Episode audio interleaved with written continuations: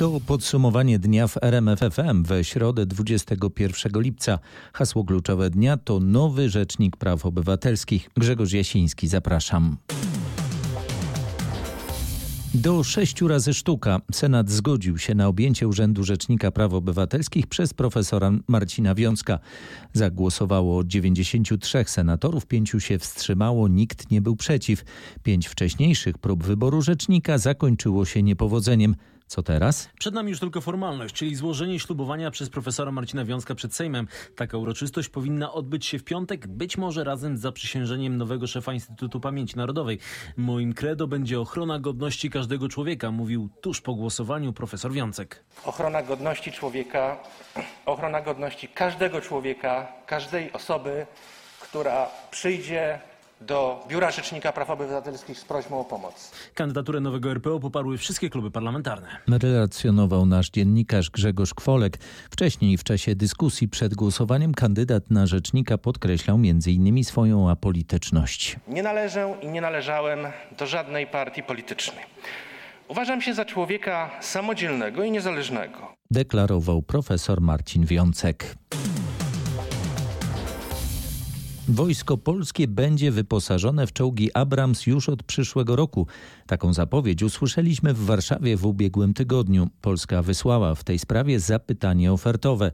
Paweł Żuchowski sprawdzał informacje w stolicy USA, na ile to realne, by czołgi faktycznie wkrótce trafiły do Polski. Ten zakup odbędzie się w ramach takiej procedury zamówienia międzyrządowego z administracją Stanów Zjednoczonych. Amerykanie mają swoją ścieżkę sprzedaży mm, sprzętu wojskowego poza granicę USA. To wymaga właśnie zapytania ofertowego, jednak zbyt szybko. Mówić to o jakimś terminie czy konkretnych kwotach, dlatego że wówczas dopiero uruchomione zostaje postępowanie. Zgodnie z tutejszymi przepisami sprawa musi przejść przez kilka departamentów. Na sprzedaż uzbrojenia musi się też zgodzić kongres. I tu ważna sprawa. Amerykanie mają do nas kilka spraw, które mogą stać się, jak mówi mój informator z Waszyngtonu, kwestią do negocjacji. Choćby przedwczoraj grupa 12 senatorów z obydwu partii opublikowała list otwarty do prezydenta Andrzeja Dudy, apelując, by doprowadził do wycofania noweli kodeksu postępowania administracyjnego lub ją zawetował. I możemy teoretycznie założyć, że politycy na Kapitolu mogą zacząć negocjować. My się zgodzimy, ale wy musicie pójść na pewne ustępstwa. Z Waszyngtonu Paweł Żuchowski. Derek Cholej, wysłannik Departamentu Stanu USA, spotka się jutro w Warszawie z polskimi dyplomatami i urzędnikami. Ma w planie kilka punktów, ale chce rozmawiać przede wszystkim o gazociągu Nord Stream 2 i porozumieniu amerykańsko-niemieckim w tej sprawie.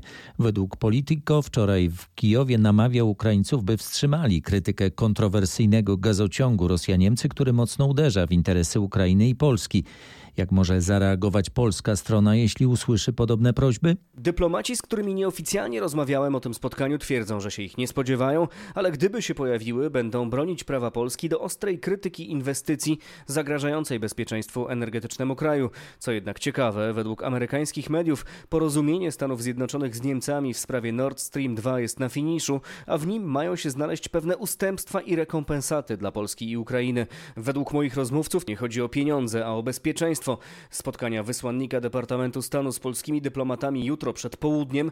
Na stole najpewniej pojawi się też temat zagrożonej koncesji dla grupy TVN, czyli kontrowersyjnej ustawy medialnej. Donosi nasz reporter Paweł Balinowski o inwestycjach amerykańskich w Polsce. Wicepremier, minister rozwoju, pracy i technologii Jarosław Gowin rozmawiał dziś telefonicznie z amerykańską sekretarz handlu Giną Raimondo. O 124 nowych zakażeniach koronawirusem informuje w najnowszym dobowym raporcie Ministerstwo Zdrowia. Zmarło trzech pacjentów z COVID-19. Minionej doby wykonano 42 tysiące testów. Statystyki zakażeń koronawirusem na szczęście nie są jeszcze wysokie, ale jak informują służby sanitarne, już widać powroty z wakacji. Jak mówi Janusz Dzisko, szef warmińsko-mazurskiego sanepidu, za szybko zapomnieliśmy o skutkach poprzednich fal. Jak patrzę w tej chwili to, co się dzieje w sklepach, na ulicach, w miejscach publicznych, gdzie widzę tłumy osób, które nie przestrzegają dystansu, jak widzę agresję osób, które ukierunkowaną w kierunku osoby, która zwraca uwagę, że tą maseczkę jednak w niektórych pomieszczeniach e, warto założyć, to ja przyznam się szczerze, jestem przerażony.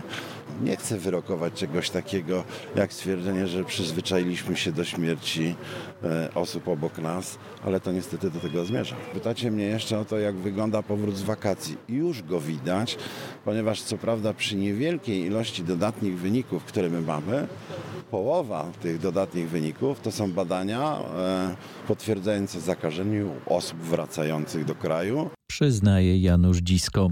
W Poznaniu w każdy piątek wszyscy chętni będą mogli zaszczepić się jednodawkowym preparatem firmy Johnson Johnson bez wcześniejszej rejestracji. Gdzie będzie można się zaszczepić? W siedzibie Urzędu Wojewódzkiego przy Alei Niepodległości akcję będą prowadzić pracownicy Miejskiego Szpitala imienia Franciszka Raszei. Co ważne, by zaszczepić się przeciwko COVID-19 w ramach tej akcji nie trzeba umawiać się na konkretny termin czy godzinę. Wystarczy po prostu ustawić się w kolejce. Każda zaszczepiona osoba będzie otrzymywać unijny certyfikat potwierdzający przyjęcie dawki preparatu.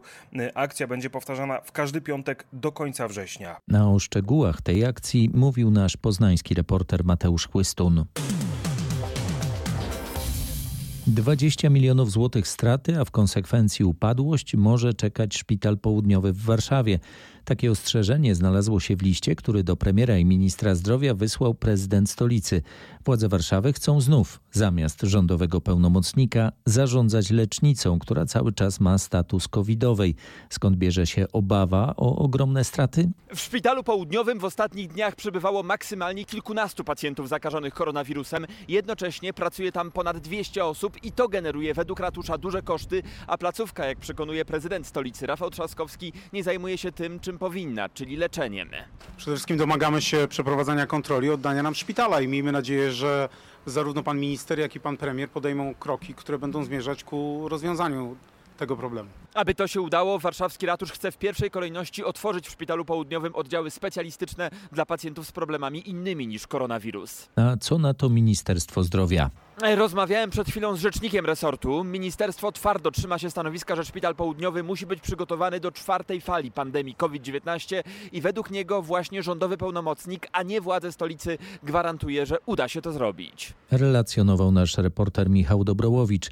Potrzebujemy dialogu udanego, a nie udawanego, piszą w liście otwartym przedstawiciele dziesięciu samorządów i związków zawodowych pracowników ochrony zdrowia. Wśród nich są prezesi Naczelnej Rady Lekarskiej, Ogólnopolskiego Związku Pielęgniarek i Położnych oraz Krajowej Rady Fizjoterapeutów. Ponownie Michał Dobrołowicz, czego konkretnie się domagają? Autorzy listu apelują m.in. do organizacji pacjentów oraz do rządu o to, by wspólnie wypracować pomysły, które mają szansę rozwiązać problemy ochrony zdrowia, w tym przede wszystkim braki lekarzy, pielęgniarek i innych pracowników medycznych, przyznaje przewodnicząca Związku Pielęgniarek Krystyna Ptok. Odchodzi corocznie w tej chwili, odchodzić będzie z systemu 10 500 pielęgniarek, a do systemu wchodzi jako absolwenci 5300, z czego nie wszyscy podejmują pracę. Rozwiązanie tego problemu według autorów listu jest niezbędne, aby mierzyć się z wyzwaniami takimi jak m.in. spodziewana czwarta fala pandemii. List medyków i ich propozycje mamy na rmf24.pl. Od 18 szpitalny oddział ratunkowy w Wojewódzkim Szpitalu Specjalistycznym imienia Marciniaka we Wrocławiu jest całkowicie zamknięty. Tak ma być do odwołania. Powód to brak personelu. Duża część załogi jest na zwolnieniach lekarskich. Dołącza w ten sposób do ogólnopolskiego protestu ratowników medycznych. W tej sytuacji niemożliwe jest zarówno przyjmowanie pacjentów samodzielnie zgłaszających się na SOR, jak również niemożliwe jest przyjmowanie karetek pogotowia oraz śmigłowców lotniczego pogotowia ratunkowego. Zespoły pogotowia będą kierowały się z pacjentami do pozostałych SOR-ów na terenie Wrocławia. Mówi Michał Nowakowski, rzecznik prasowy marszałka województwa dolnośląskiego. PiS w swojej technice władzy używa wrzutek. To kontrola nad tym, o czym się rozmawia i styl przykrywania pewnych rzeczy, mówił w rozmowie w samopołudnie w RMFFM profesor Rafał Matyja.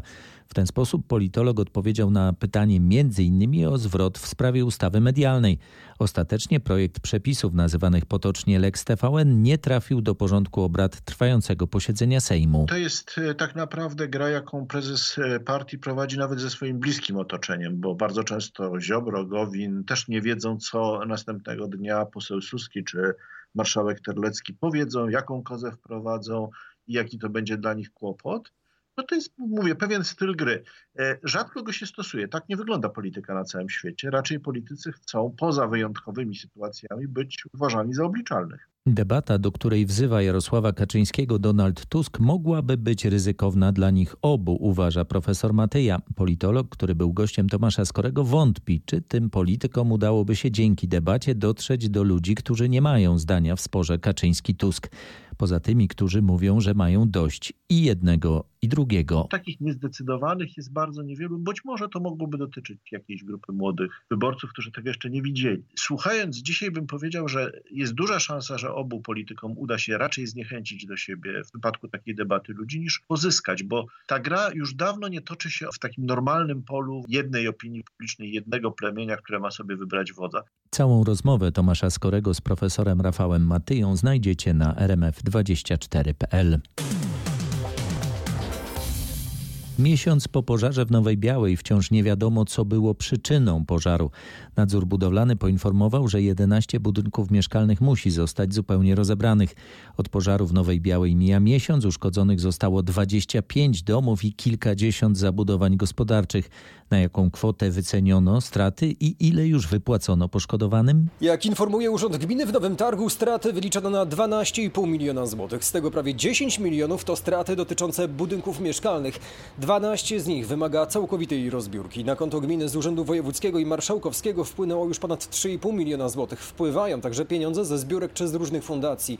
Na miejscu trwa odbudowa budynków. Rozpoczynają się procesy odbudowy związane z budynkami mieszkalnymi. Te budynki są projektowane tak, aby ograniczyć możliwość rozprzestrzeniania się pożaru. W związku z tym są te ściany ognioodporne. Kilka osób będzie budować je w nowym miejscu. Powstaną naturalne luki, przerwy pomiędzy tą zabudową zwartą. Mówił Marcin Kolasa, zastępca wójta gminy Nowy Targ. Śledczy wciąż nie są w stanie jednoznacznie ocenić, co było przyczyną pożaru. Najczęściej braną pod uwagę hipotezą jest samozapłon siana składowanego w jednej z drewnianych stodół. Informuje Marek Wiosło, z którym się jednak nie rozstajemy. Jak się dowiedział, komisja złożona z przedstawicieli miasta, kolei i wód polskich opracować ma rozwiązanie dotyczące odprowadzenia wody przy ulicy Stanisława Udzieli w Krakowie. Po intensywnych opadach podtapiane są tam budynki. Tylko w ostatnim miesiącu już kilka razy dochodziło do podtopień posesji czy piwnic. Po zeszłotygodniowej nawałnicy aż kilkadziesiąt budynków zostało zalanych. Rzeka Drwinka po intensywnych opadach nie jest w stanie odprowadzić nadmiaru wody. Mieszkańcy okolicy twierdzą, że powodem podtopień jest niedrożny przepust pod linią kolejową. Kolej przebudowała przepust, ale ten przepust nie jest jeszcze zamulony, więc po prostu siłą rzeczy natychmiast cofka się robi i woda wylewa. Nikt tego nawet nie udrażnia udrażnia tego przepustu, który jest za mały. PKP twierdzi, że to nie wina przepustu pod torami, a odbiorników wody za przepustem poza terenem PKP. Z wstępnych oględzin wynika, że przepust jest drożny i odprowadza wodę, o ile mogą ją przyjąć odbiorniki znajdujące się po drugiej stronie linii kolejowej. Mówił Piotr Hamarnik z PKP Polskich Linii Kolejowych. Jeszcze w tym tygodniu specjalna komisja ma znaleźć rozwiązanie problemu. O czym informował nasz reporter Marek Wiosło. Zapasów wszystkich grup krwi, z wyjątkiem grupy ABRH, brakuje w Regionalnym Centrum Krwiodawstwa i Krwiolecznictwa w Gdańsku. Jego pracownicy apelują do potencjalnych dawców o zgłaszanie się do stacji i oddawanie krwi. Aktualnie nie tylko przez trwający sezon turystyczny, ale także ze względu na odrabianie popandemicznych zaległości.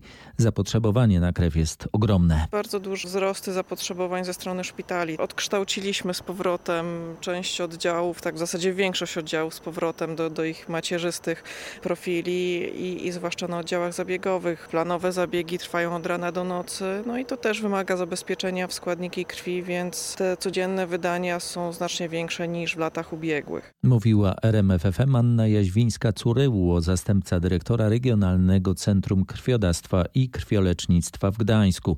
BRH- i ABRH- to według Regionalnego Centrum w Katowicach grupy krwi, których zapasy w województwie śląskim są teraz najniższe. Krew można oddać m.in. w specjalnych ambulansach, które codziennie jeżdżą po regionie. Dawcy przekonują, że to nie boli. Są tacy, którym oddawanie krwi weszło w krew. To nie pierwszy raz, to jakiś siódmy?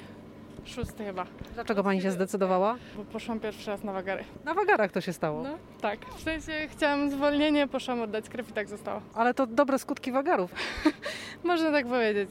Zachęciłaby pani inne osoby do tego, żeby oddawać krew? Myślę, że tak, bo po pierwsze nie boli, po drugie no nic na tym nie tracę, tak? A tylko mogę dać. Czy teraz w czasie pandemii są jakieś dodatkowe obostrzenia, które dotyczą właśnie dawców? Są obostrzenia, bo przed pandemią zawsze szłam z kimś, kto mnie, że tak powiem, trzymał za rączkę, a teraz muszę wyjść sama. No i to jest trochę przykre, ale daję radę.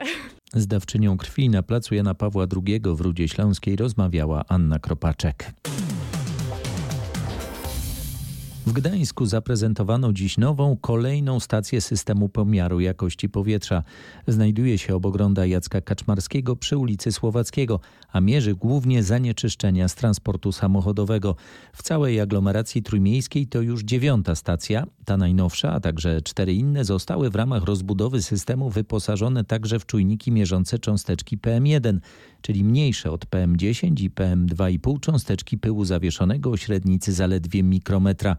Cząsteczki bardzo ważne. Mają ogromny wpływ na nasze zdrowie. Ich oddziaływanie na nasz organizm może być jeszcze większe, tak, aniżeli tych większych frakcji. To nie jest norma, że bada się e, tego typu cząsteczki. Nie, jeszcze to nie jest e, unormowane właśnie prawem polskim, natomiast już e, wyprzedzamy jakby sytuację, tak, i mierzymy. Informacja o tym, jaki jest skład zanieczyszczeń w powietrzu jest na tyle ważna i potrzebna w podejmowaniu różnych decyzji, że pewne rzeczy warto robić, nie czekając na to, czy jesteśmy do tego zobowiązani, tak, przepisami. Nie ujęte w prawie polskim, a normy europejskie y, dla PM1 są? Nie, nie mamy jeszcze norm dla y, pyłu PM1. Mówiła naszemu reporterowi Kubie Kałudze Magdalena Haas, dyrektor Fundacji Armak, zajmującej się w Trójmieście regionalnym monitoringiem jakości powietrza. Niemal połowa próbek lodów z automatu, jakie pobrał do badań zachodniopomorski Sanepid, okazała się zanieczyszczona bakteriami. Inspekcja sanitarna po kontroli zamknęła 16 lodziarni w całym regionie. Najwięcej zastrzeżeń budziły punkty gastronomiczne z pasa nadmorskiego. W 23 z 50 zbadanych partii Sanepid wykrył enterobakterie. Te bakterie one występują w naszym jelicie grubym. I jeżeli tam występują, to jakby one nie są dla nas chorobotwórcze, ale w przypadku, kiedy znajdują się w żywności i są osoby, które mają osłabiony układ e, pokarmowy bądź cierpią na inne mm, choroby związane właśnie z układem pokarmowym, to zjedzenie pokarmu z takimi bakteriami może jakby spowodować dolegliwości e, żołądkowo-jelitowe, ale przede wszystkim są to takie bakterie wskaźnikowe, które pokazują, że jest ten niewystarczający poziom utrzymania czystości w tych lodach z automatu. Wyjaśnia Małgorzata Kapłan z Wojewódzkiej Stacji Sanitarno-Epidemiologicznej w Szczecinie. Sanepid nakazał właścicielom lodziarni dokładną dezynfekcję sprzętu. Mogą wznowić sprzedaż lodów dopiero, gdy kolejne badanie próbek nie wykaże obecności bakterii. Urządzenie jest niewielkie, ale bardzo ułatwia pracę ratownikom na plaży w Międzyzdrojach. Woprowcy dostali właśnie nowego drona. Ma być używany do poszukiwań zagubionych na plaży dzieci, ale też do przypominania plażowiczom, jak zachowywać się nad brzegiem morza. Dron jest wyposażony w głośnik, przez co możemy nawiązywać jakby kontakt z osobami, możemy im przekazywać informacje, a także puszczać takie przykładowe komunikaty właśnie o korytarzu życia. Uwaga, uwaga! Prosimy o pozostawienie korytarza życia w odległości minimum 2 metrów od linii brzegowej. Wykorzystujemy drona w akcjach poszukiwania dzieci. Możemy takim dronem unosić około 30 minut y, w powietrzu. Ma kamerę? Tak, dron jest wyposażony w kamerę, ma też możliwość przybliżania, także taką małą zabaweczką jesteśmy w stanie ogarnąć kilometr plaży strzeżonej. Opowiadał naszej reporterce Anecie Łuczkowskiej Piotr Golian, ratownik WOPR z Międzyzdrojów. Dron ma już za sobą chrzest bojowy. Urządzenie pomogło zlokalizować w wodzie osoby, co do których istniało podejrzenie, że mogą potrzebować pomocy. W sobotę trasa na Hel może okazać się komunikacyjnym piekłem. Nie chodzi o pogodę, blokować chcą ją wespół w zespół rybacy oraz rolnicy z. Informacje na ten temat zebrał Paweł Balinowski. Gdzie można się spodziewać tej blokady? Niemal dokładnie w miejscu, w którym zaczyna się Półwysep Helski, na drodze wojewódzkiej nr 216, tuż przy wyjeździe z Władysławowa, zaraz przy stacji benzynowej, supermarkecie i torze go-kartowym. To jest jedyna droga lądowana HL, będzie blokowana od dziewiątej przez co najmniej kilka godzin. To nie jest więc dobry kierunek wypoczynku na ten weekend. Protestującym chodzi m.in. o cofnięcie pozwoleń na połów dorsza i brak związanych z tym rekompensat. Rolnicy, jak sami mówią, przyjeżdżają na wybrzeże, by wesprzeć rybaków, a przy okazji zaprotestować przeciwko tragicznej sytuacji w swojej branży. Agrounia zapowiada także duże demonstracje w Warszawie. Kiedy? Dopiero po żniwach, a więc najwcześniej w drugiej połowie sierpnia. To ma być powtórka z wczorajszej blokady w Srocku, ale jak przekonują rolnicy, w dużo większej skali. Zapowiadał Paweł Balinowski. Potężne utrudnienia, ale nie polityczne, w Lublinie. Od rana zamknięte są tam aleje racławickie. Nie ma przejazdu dla samochodów już od ulicy Lipowej od strony centrum, a z drugiej strony od ulicy Głowackiego. Objazdami jeździ komunikacja miejska. Na zamkniętych przystankach dyżurują pracownicy zarządu transportu a Lublin o poranku wyglądał tak. Wczoraj można było jeszcze przejechać, a dzisiaj stoi. Zakorkowane wszystko, tam źle oznakowane skrzyżowanie, które, które jest naprawiane. Najpierw stoi znak z nakazem jazdy na wprost, później pracownicy zawracają samochody. Tutaj za, za wiaduktem Poniatowskiego. No tam jest ślepa ulica teraz. Przez trzy dni Racławickie zamknięte. No i widać ten efekt właśnie. Próbuję się dostać do pracy. Yy, od pół godziny stoi w korku. Na Kraśnickie, żeby dojechać Dobra. na Lipową 26, okay. 31, 150 do Głębokiej. Normalnie tak. z tego przystanku by pani pojechała? Tak, z tego przystanku. Z ZTM-u jest pan, tak rozumiem, podpowiedział, co trzeba zrobić, tak, gdzie trzeba pójść? Tak, wszystko wiadomo teraz, wiem, gdzie mam iść, także tak, o tyle dobrze. Usłyszał od Lublinian nasz reporter Krzysztof Kot. Od najbliższego wtorku znów będzie można zobaczyć panoramę racławicką we Wrocławiu.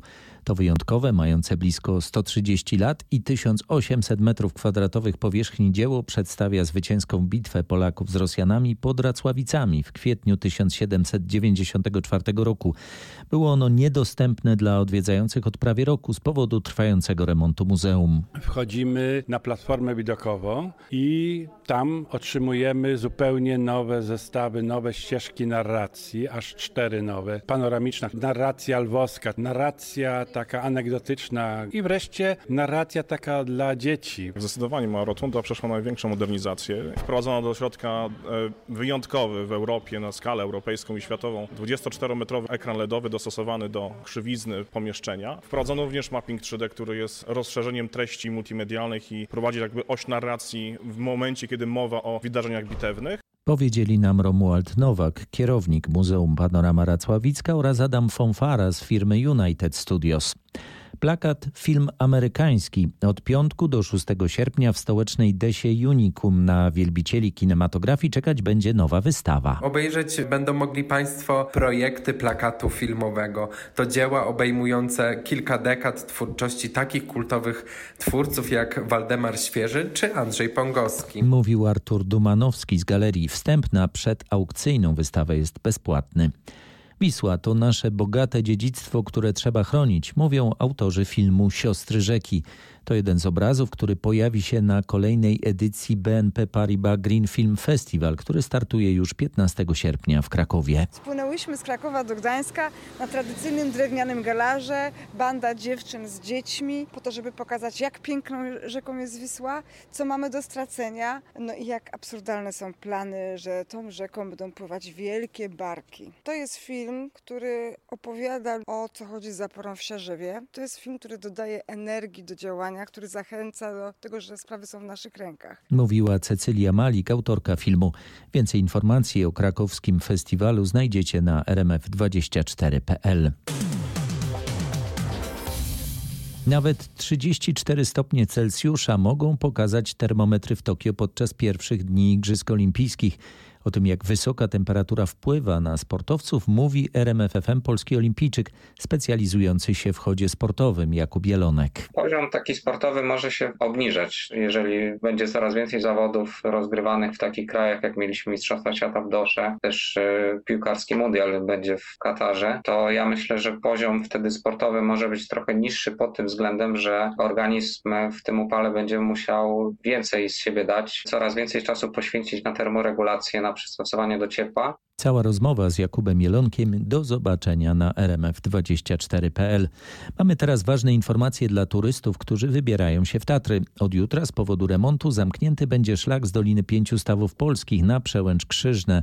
W przyszłym tygodniu rozpoczną się natomiast prace na Orlej Perci. Szlak będzie zamykany odcinkami. Warto sprawdzać komunikaty turystyczne na stronie Tatrzańskiego Parku Narodowego, dlatego że o wszelkich zamknięciach będziemy informować e, z dwudniowym wyprzedzeniem. Trudno przewidzieć, jak długo potrwają prace. W znacznym stopniu jest to determinowane warunkami pogodowymi, bo wiadomo, że w, w tym terenie potrzebujemy bardzo dobrej pogody, żeby te prace przeprowadzić. Podkreśla Marta Mazik z Tatrzańskiego Parku Narodowego. Zamknięty jest także jeden ze szlaków turystycznych w Beskidach na terenie Nadleśnictwa Węgierska Górka. Są tam też ograniczenia dotyczące biwakowania. Zamknięty od dziś do końca sierpnia jest niebieski szlak na terenie leśnictwa Cięcinki. Biegnie on z miejscowości Bystra w kierunku Słowianki. Proponowane obejście szlaku zostało oznaczone. Nadleśnictwo Węgierska Górka planuje w tym miejscu prace związane z wycinką i transportem drewna. Z tego samego powodu wprowadzono też ograniczenia dotyczące biwakowania na terenie leśnictwa Zielona. Chodzi o część terenu włączonego do programu Zanocuj w lesie. Zakaz biwakowania w tym miejscu obowiązuje do końca września. Zanocuj w lesie, ale nie w tym miejscu, informowała Anna Kropaczek. Tyle na dziś. Na kolejne podsumowanie dnia w RMF FM zapraszam już jutro wieczorem. Grzegorz Jasiński, dziękuję. Dobrej nocy.